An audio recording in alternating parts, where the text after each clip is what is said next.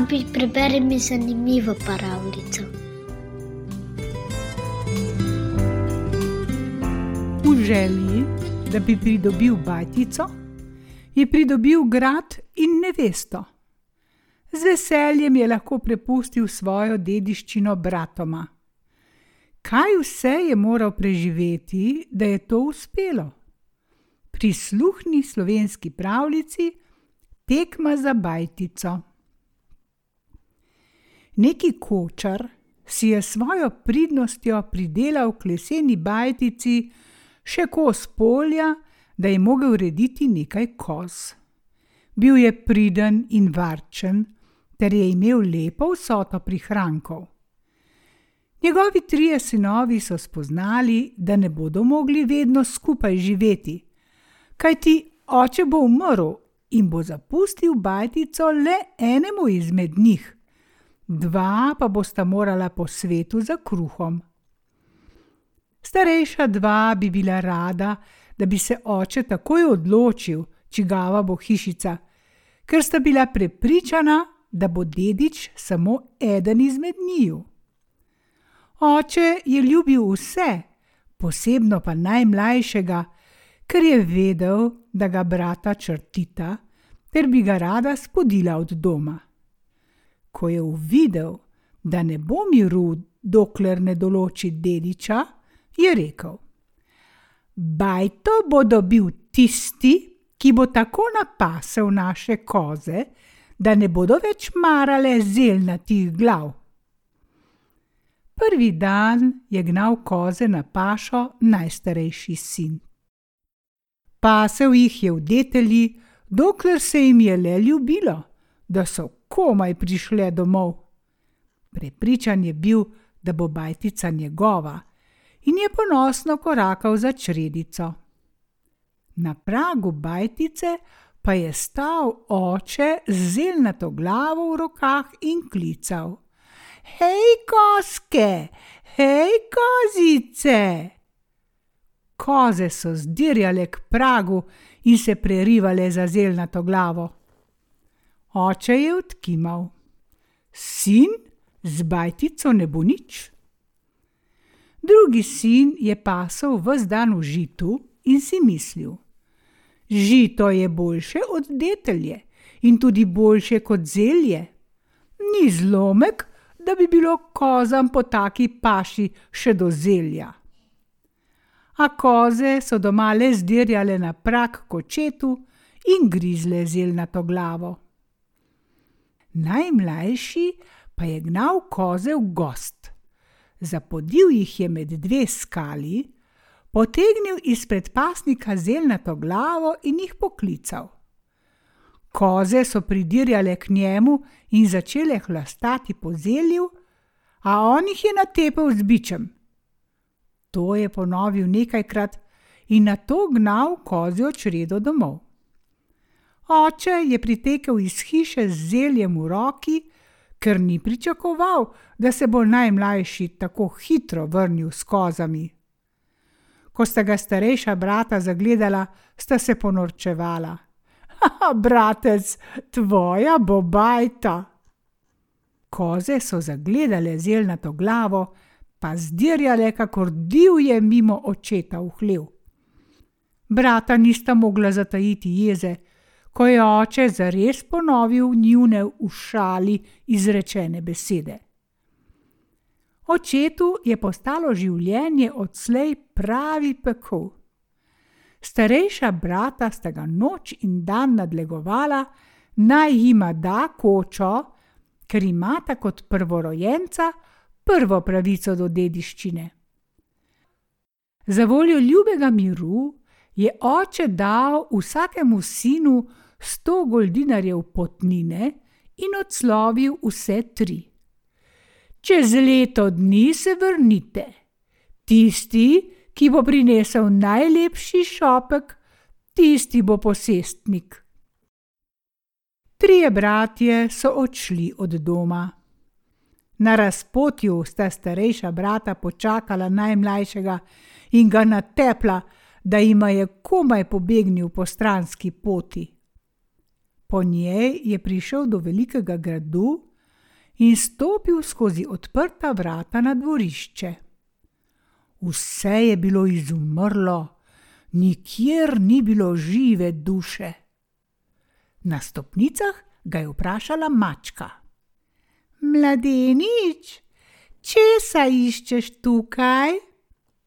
Službo, pa ne za denar, službi za najlepši šopek, da bi dobil očetovo bajtico, ji je odgovoril. Pogodil se je z mačko, da jo bo nosil leto dni na rokah, kakor otroka, ji stregel in kuhal, zato pa bo dobil od nje ob letu lep šopek. Leto je prav počasi minevalo, a je vendar minilo. Videl je, kako sta brata ponosno korakala mimo gradu in nosila cele grme lepih rož, a on doslej niti opazil ni, da bi delala mačka za en šopek. Potožil je: Leto in dan sem tvoj varuh, a sedaj ne bom niti šopka imel. Tedaj mu je mačka ukazala, naj gre v prvo sobo, odpre omarico in vzame, kar je v njej. Odprl je omarico in tam je našel najlepši šopek sveta. Vesel se je vrnil domov in oče mu je v drugič prisodil bajto. Imeti je pa le ni mogel, ker sta bila brata preveč hudobna. Zato je oče zopet naštel vsakemu po sto goldinarjev in naročil, naj se zglase čez leto dni z zlatimi prstani. Kdor bo prinesel najlepšega, bo dobil bajtico. Odšli so, kakor pred letom dni, in starejša sta mlajšega zopet pretepla na razpotju. Najmlajši se je vrnil na grad k mački za varuha in si izgovoril za plačilo najlepši prstan. Čez leto dni je videl brata, ko sta šla mimo, in so se jima prsti svetili od samih prstanov. Zopet je šel nad mačko, ona pa ga je poslala v drugo sobo. Tu je dobil tako lep zlat prstan z dragimi kamni, da je njih blesk razsvetlil v zgrad in mu svetil po noči, kakor da bi nosil sonce v rokah. Tako je najmlajši že tretjič dobil pravico do bajte, a oče tudi tokrat ni mogel držati besede. Zopet je odpravil vsakega sina sto goldinari na pot, ter obljubil bajto tistemu, ki bo pripeljal po letu dni najlepšo nevesto. Najmlajši se je zopet vrnil na grad. Mačka mu je obljubila nevesto, ki ne bo para na svetu.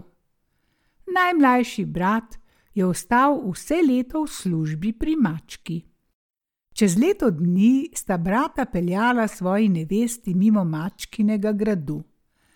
Najmlajši brat je tedaj očital: Jaz tepec, kje naj dobim nevesto?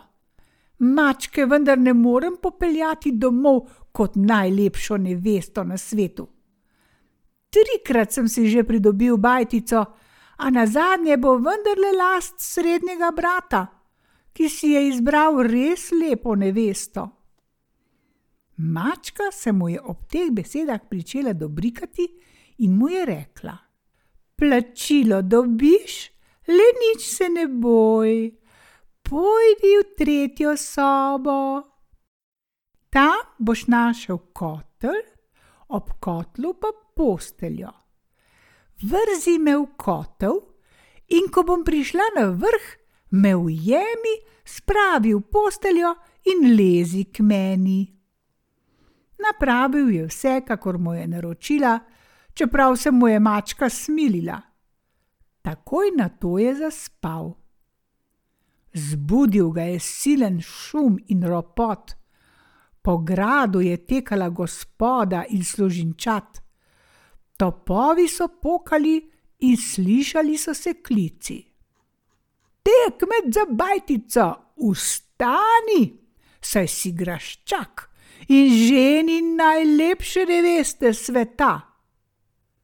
Pomel si je oči, da bi se prepričal, ali bedi in ne sanja. Pogledal je poleg sebe, kamor je bil poprej položil mačko, in na mesto nje je zagledal prelepo dekle.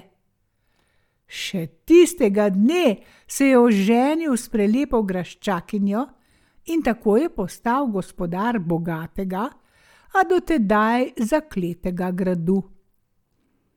Naslednji dan se je odpeljal z ženo domov. Zelo je prestrašil srednjega brata, ki se je že imel za srečnega dediča. Oče pa se je čudil. Najmlajši se je poslovil od očeta in bratov, rekoč: Začel sem s kozami, prislužil pa sem si najlepšo ženo in graščino, samo zato, ker sta mi brata trikrat odgriznila pridobljeno pravico.